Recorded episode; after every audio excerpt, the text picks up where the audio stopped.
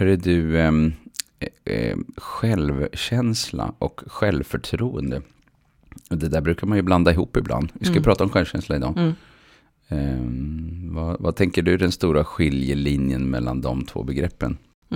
Jag brukar använda tre begrepp Mm. när jag pratar om det här. Självkännedom brukar jag börja med. Mm. Det handlar om det jag känner till om mig själv. Mm. Som att eh, det här är mina mål i livet, så här brukar jag reagera i den här typen av situationer, det här drömmer jag om. Ehm, och självkänslan, den handlar om som vilken acceptans som jag har för det som jag känner till om mig själv. Mm.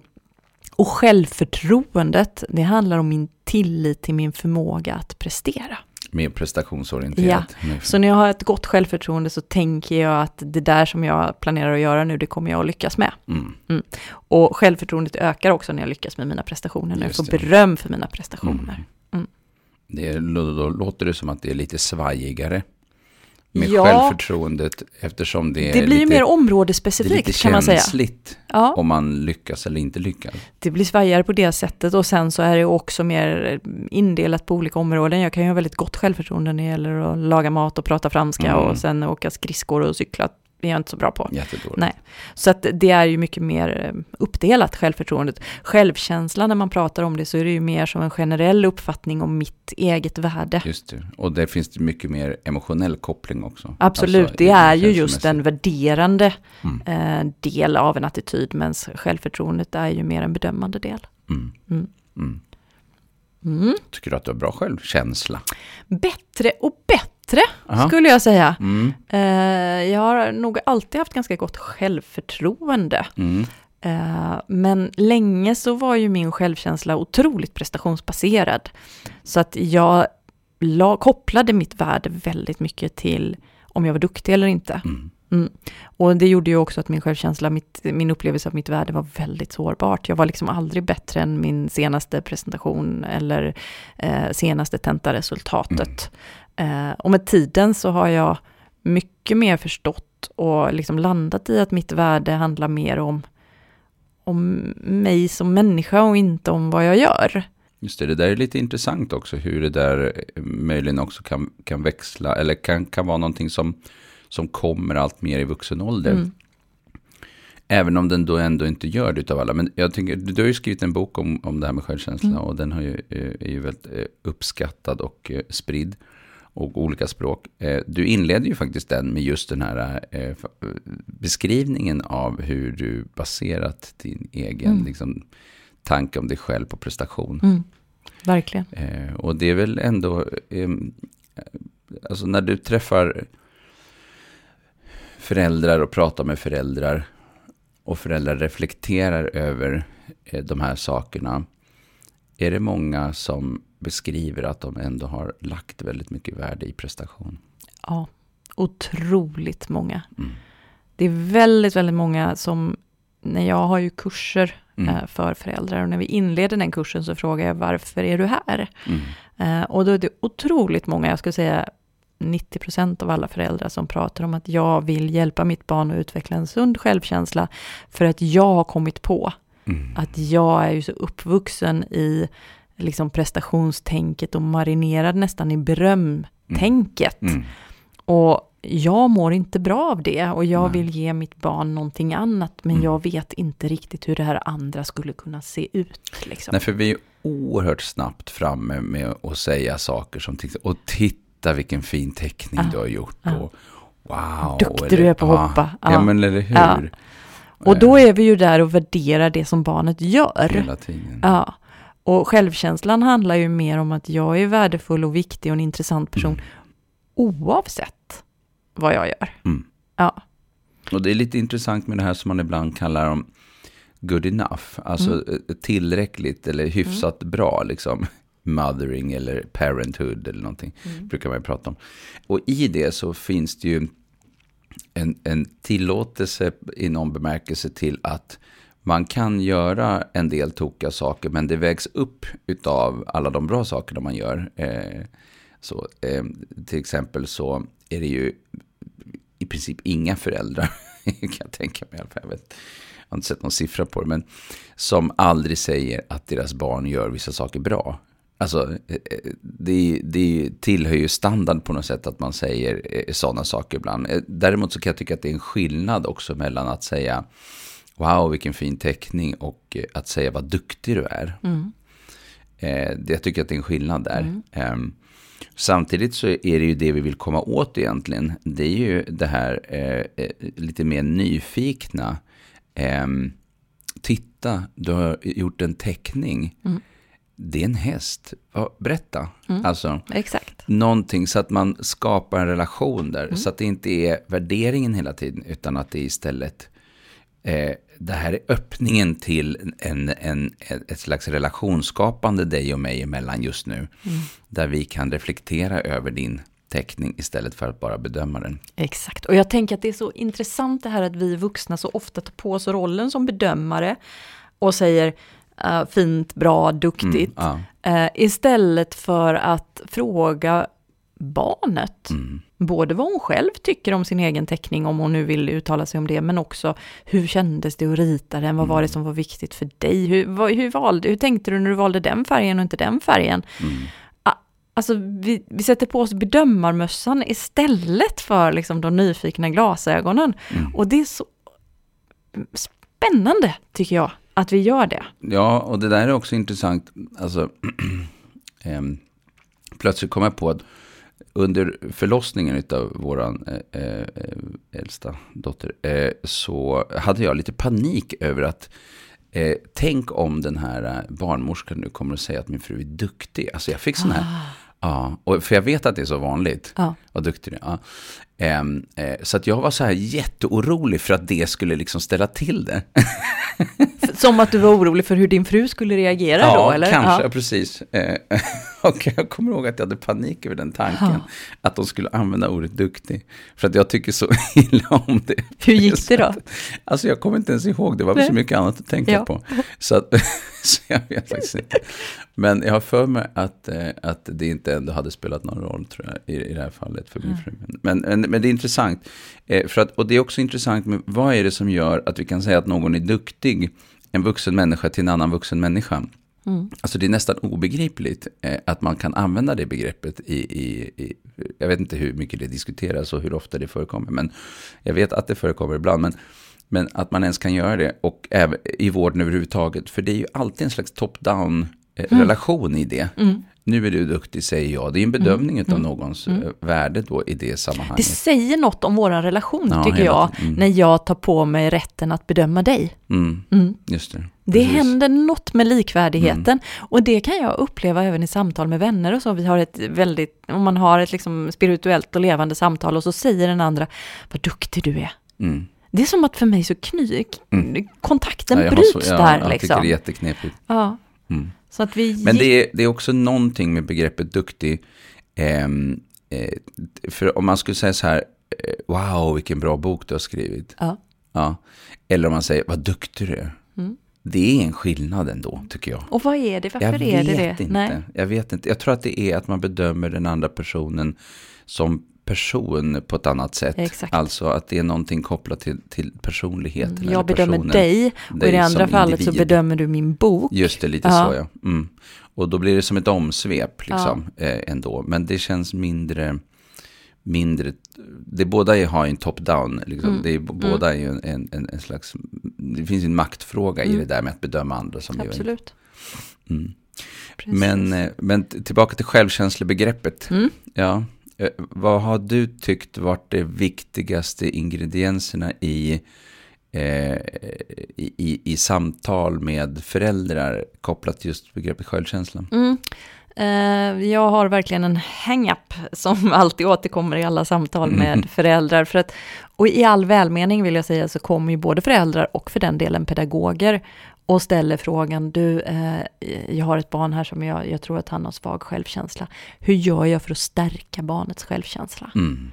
Eh, och jag brukar svara att jag tycker att vi ska vara försiktiga med att liksom tänka att vi ska stärka självkänslan hos ett barn, för det blir som att, eh, alltså det riskerar att bli lite olustigt för barnet, som att det är jag svag. Mm. Varför ska de stärka mig? Jag är inte bra som jag är. Mm. Så det som är tänkt att gagna självkänslan riskerar faktiskt få precis motsatt effekt när man liksom blir som ett föremål för någon annans metod. Liksom. Mm.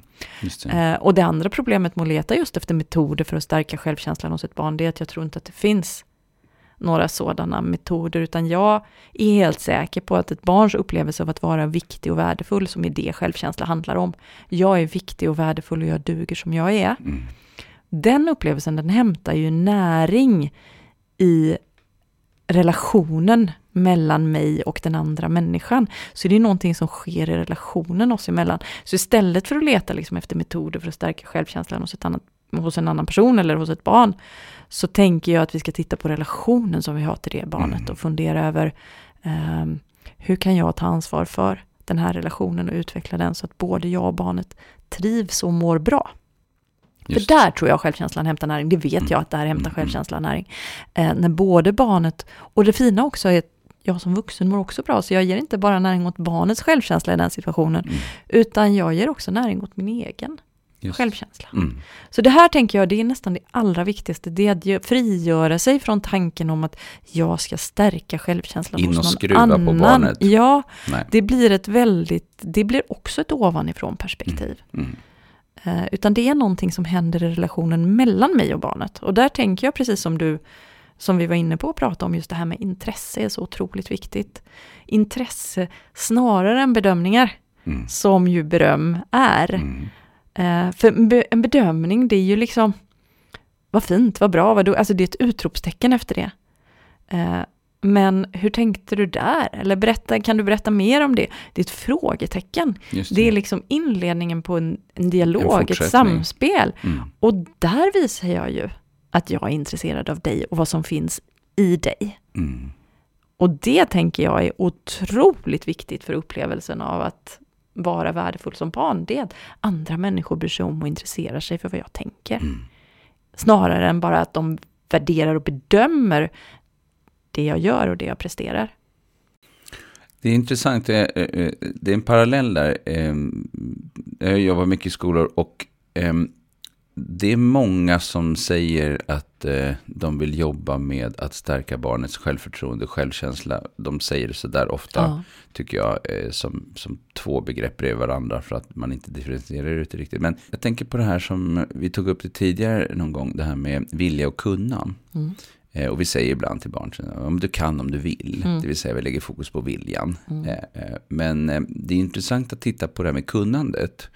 Eh, och då tänker jag så här att, att lyckas är ju väldigt viktigt. Inte bara liksom att vara bäst eller att kunna mest eller liksom att vara frontline så. Men, men att överhuvudtaget lyckas i olika situationer. Att man känner nu har jag gjort det här mattetalet, nu har jag skrivit den här texten liksom och, och, och så. Utan att ha jättehöga prestationskrav, utan att man verkligen lyckas.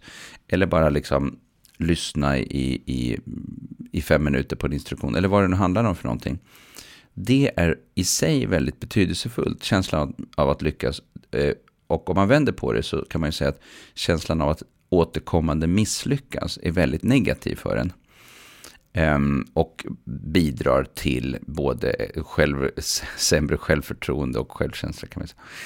Ehm, och ibland så kommer folk då önska att man ska så att säga mecka med självkänslan. Och jag tänker väldigt ofta att det istället handlar om att eh, man ska hjälpa barnet att lyckas med saker och ting.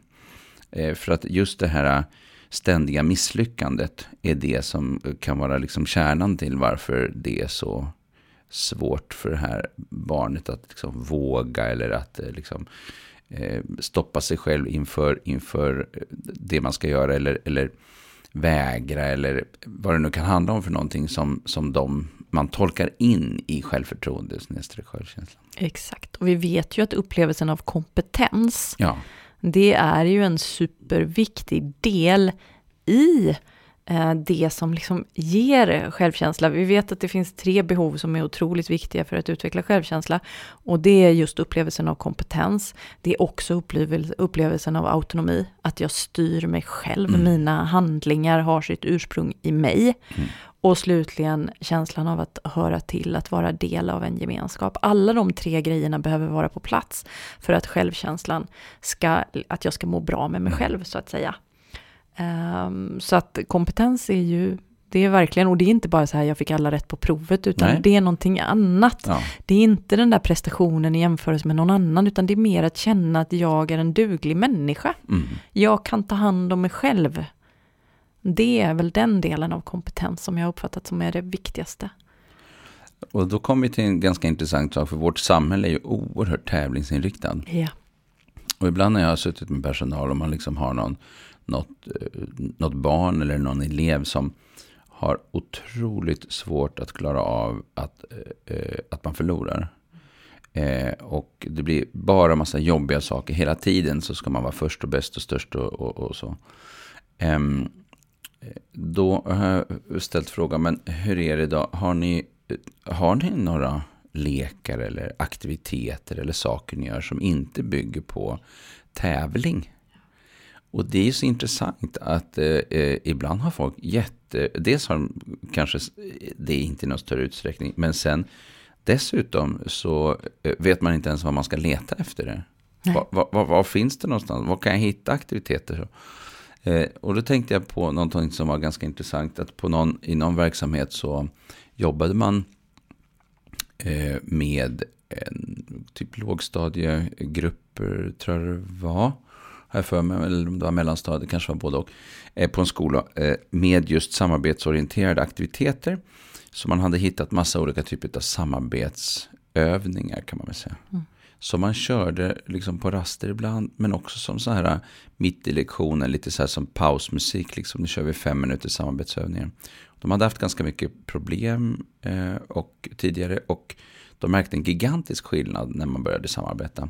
Och då tänker jag att det där är ganska intressant, för att det där måste ju också vara kopplat till det här med att ständiga tävlingar och, och, och, och så, om man tittar på skolgårdslekar, alltifrån kulor till eh, eh, olika bollsporter i, i olika rutor och eh, även eh, eh, när man hoppar hopprep eller allt möjligt som, som barn gör på skolgårdar.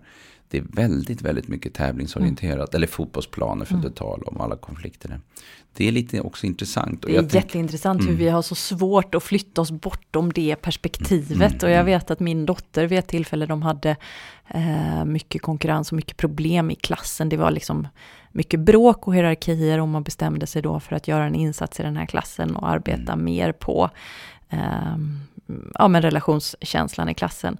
Och det var så ironiskt för det de gjorde det var att de inledde varje morgon med att ha frågesport. Och alltså tanken var ju fin, men man skapade ju, man delade in klassen i lag och så hade man frågesport, så det var ändå kvar i konkurrenstänket liksom. Vi har oerhört svårt att komma ifrån det där. Jag tror att det där är viktigt och det finns liksom genomsyrat eh, i, i hela liksom ledet. Allt ifrån när man säger åh vad duktig du var som satte på dig eh, byxorna själv till en tvååring till liksom. Så hela vägen upp liksom. Eh, Ständiga bedömningar och ständiga eh, utfall i form av att lyckas eller inte lyckas i relation till andra. Precis, så det vi säger här det är ju att kompetens är viktigt, men det är inte en jämförelsebaserad kompetens, utan det är mer en kompetens utifrån mina egna förutsättningar. Där barnet ska få känna att jag växer som människa och utvecklas. Jag är lite bättre idag, jag kan lite mer idag än vad jag kunde igår. Snarare än jag kan lite mer än de andra i min klass. Det är ju väldigt stor skillnad på det. Men du David, vad pratar du mer om när du är i skolor och pratar om självkänsla och självförtroende då? Alltså det som är svårt också är att vi har ett betygssystem som eh, påverkar väldigt mycket. Eh, och ehm, eh, det finns ju mycket problem med liksom, betygssystemet. Vi har varit inne på det tidigare, men eh, vi pratar om läxor och lite allt möjligt. Men forskningsmässigt så finns det ju massa problem kopplat till de här eh, eleverna som har väldigt, eh, som ligger lågt. Eh, om du har ett F till exempel, vad är oddsen att jag ens ska få ett E? Och, och är E ens värt någonting när jag ändå liksom, eh, att få det är för svårt. Och sen har, så att du har i ena änden har du de här som har väldigt låga betyg som, som drivs väldigt lite utav själva betygen. Och sen har du de här toppeleverna som drivs väldigt mycket utav, elev, utav betygen. Eh, men där skapar det stress istället. så att det här är ju också en, och, och sen att man stoppar in väldigt mycket eget värde i. Och är- för de här eleverna som är toppstudenter och som liksom ligger högt och ligger bra så är ju liksom att för en del av dem kan ju ett B, det kan ju vara som att liksom rasa genom jorden. Liksom. Då är man plötsligt nollvärd. Liksom. Och då har jag märkt att då går i skolan ofta dit och säger, men herregud, ett B är ju fortfarande ändå jättebra. Liksom. Ja, och på något sätt, ja men det gör man i all välmening. Mm. Eh, men samtidigt så bekräftar man ju också då prestationsmodellen mm. som att det är ju inte ett E, för då hade det varit åt helvete. Ja, liksom. ja, så nej, att, det är ju ändå en bekräftelse av att det är viktigt vad du presterar. Och det är har skapat ett sånt, alltså, och det är ju ändå, staten har ju ändå, typ, mm, alltså det är ju ändå eh, inte varje enskild lärare. Lärarna, jag tror att många lärare kämpar väldigt mycket med, med den här tanken och hur ska man liksom, hur ska man kunna liksom få till det med de här eleverna som har det super, mm. super, super tufft. Mm. Eh, och betygssystemet har massa olika problem. Men det är det de har att, så att säga, förhålla sig till i skolan. Exakt. That's it. Och det, det, det, är tävlingsorienterat och det är oerhört svårt. Både med de här väldigt högpresterande och sen också de här eh, eh, som har svårt att få eh, kanske ens godkänt. Och, och eh, så. Men, men, så att vi har ju verkligen skapat ett samhälle som på ett väldigt tidigt stadium. Eh, nu är det åtminstone i och för sig sexan då som jag betyg, men nu börjar man testa det här i fyran, ja. i, i fyran på sina håll. Eh, så vi får se var det, det, där landar. Men det finns ju inget forskningsstöd för att det skulle vara vettigt, liksom, så att det är ju märkligt överhuvudtaget. Mm. Men, men, men, det är väldigt pre prestationsorienterat. Mm. Och när jag möter lärare så brukar jag då tipsa om att Alltså det ligger ju i sakens natur. De är i prestationsbranschen så mm. de måste hålla på med betygssättning och mm. utvärdering och så här. Men att då också komplettera det så mycket som möjligt med relationsbyggande. Mm. God morgon, vad gött att se dig. Jag saknade mm. dig igår när du var sjuk. Hur hade du det i helgen? Allt det här som bygger relation runt omkring. För om man har en lärare där man upplever att jag är, hon bryr sig om mig inte bara när det går bra eller dåligt på matteprovet, Nej. utan alla dagar. Då är det liksom kul att gå till skolan alla mm. dagar och inte bara när det gick bra på matteprovet.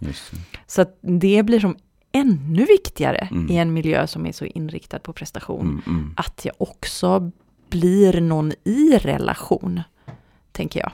Just det. Mm.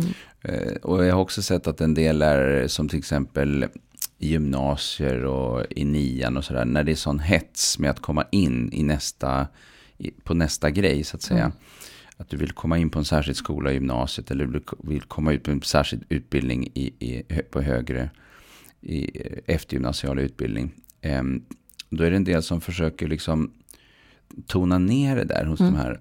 Men det finns en slags dryghet i det ibland som är lite irriterande. Eh, när man har en elev som verkligen vill komma in på någonting och de bara säger men betygen är inte viktiga, ta det mm. lugnt, liksom, mm. tänk på dig själv, ungefär så. Mm. Eh, eh, så. Eller till och med nästan eh, ger mindre information till eleven för att de ska försöka tagga ner.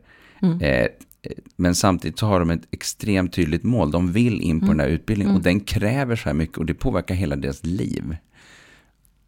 Har du, känner du igen det där? Mm, absolut, verkligen. Och jag tänker att det är en viktig del i, i, i självkänsla också, att bli sedd utifrån sina egna intressen och sina egna behov. Mm. Så om det är viktigt för mig att komma in på den där utbildningen, då vill ju jag inte att läraren säger fast det är inte så viktigt, utan då vill jag kanske att läraren frågar vad är det som gör att det är så viktigt för dig? Berätta ja, mer, jag vill precis. förstå.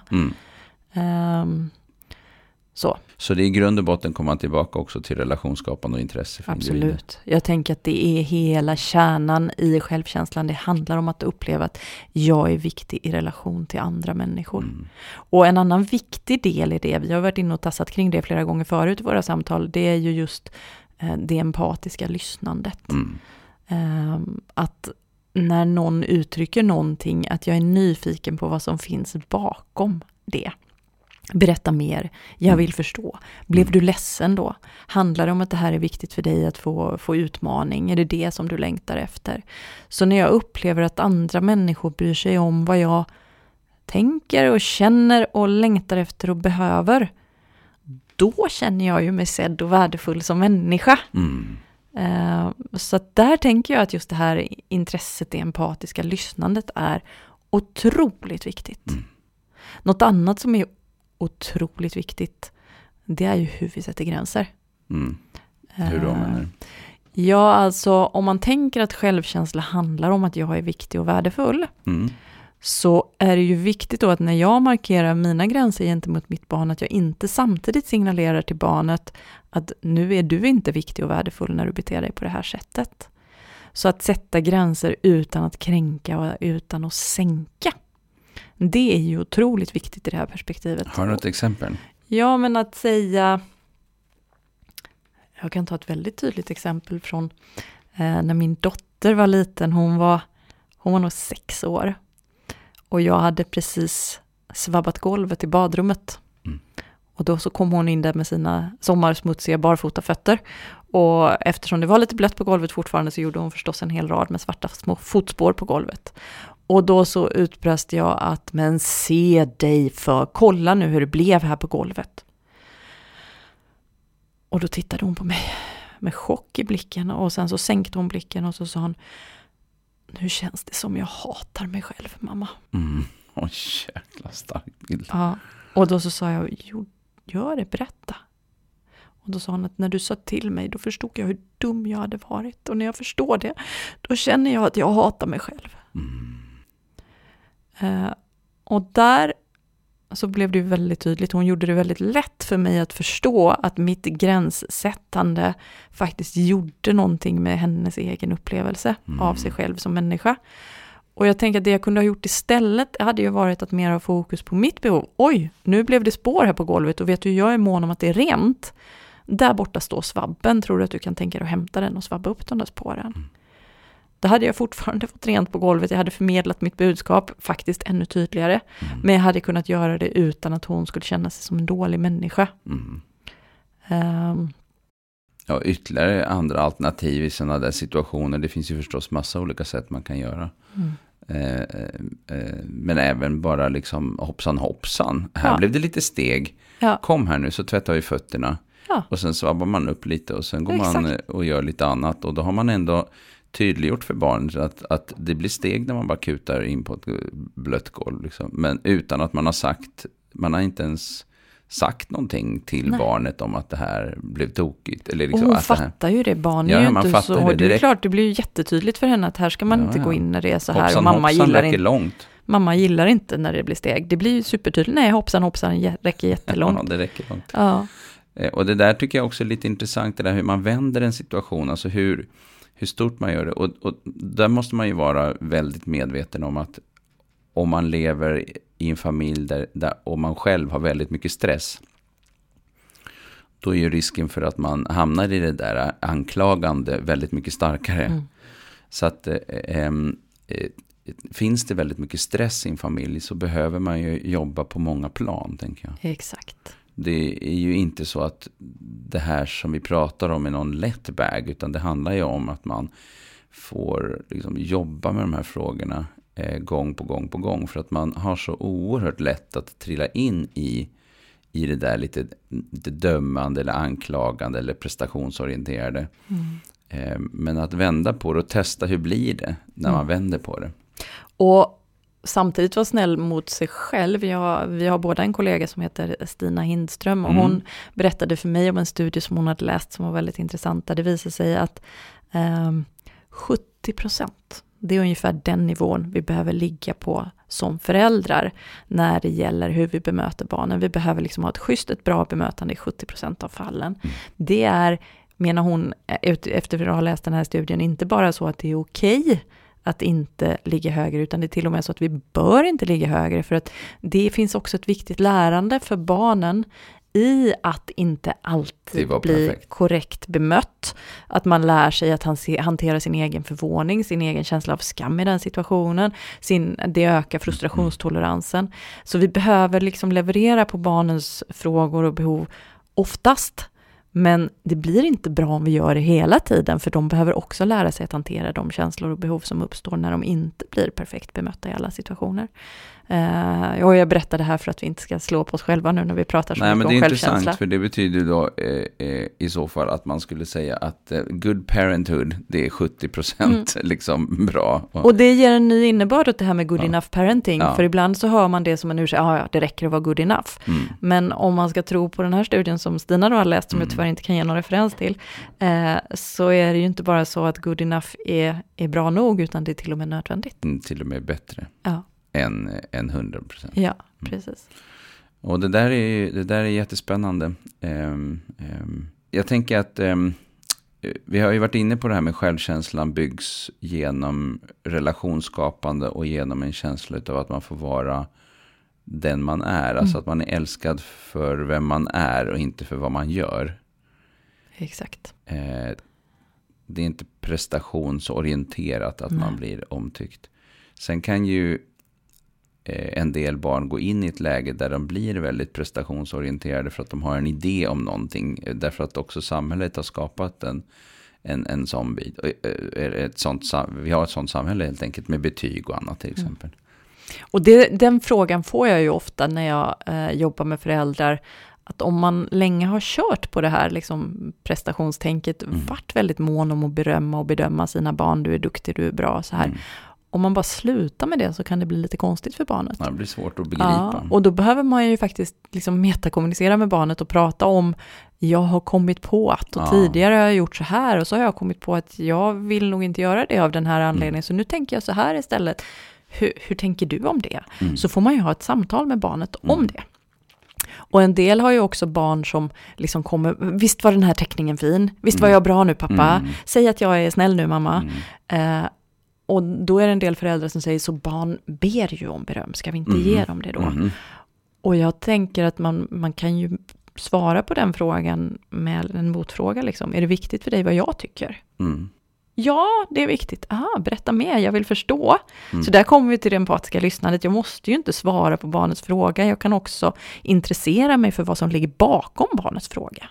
Och sen när jag har förstått det så kan jag ju svara och säga så här tänker jag. Mm. Jag tycker egentligen det är mer spännande att veta vad du tycker om din teckning, mm. än att jag ska bedöma din teckning. Mm. Ja.